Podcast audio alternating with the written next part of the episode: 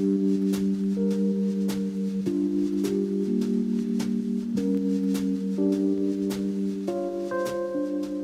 pernah baca. Katanya, jadi apa kamu mulai dari 10 tahun sebelumnya?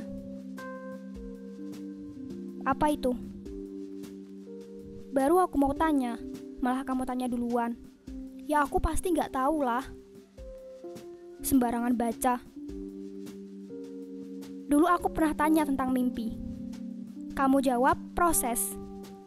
Kalau begitu, kita perlu setup mimpi kita nggak? Ngawur.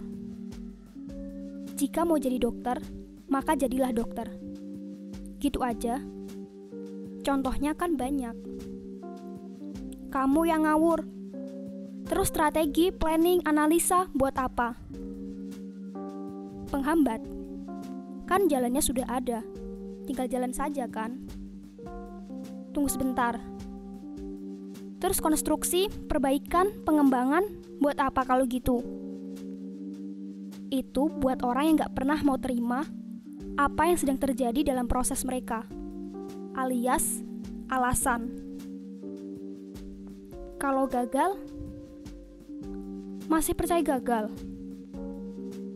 Satu tambah tiga sama dengan lima. Itu kan gagal namanya.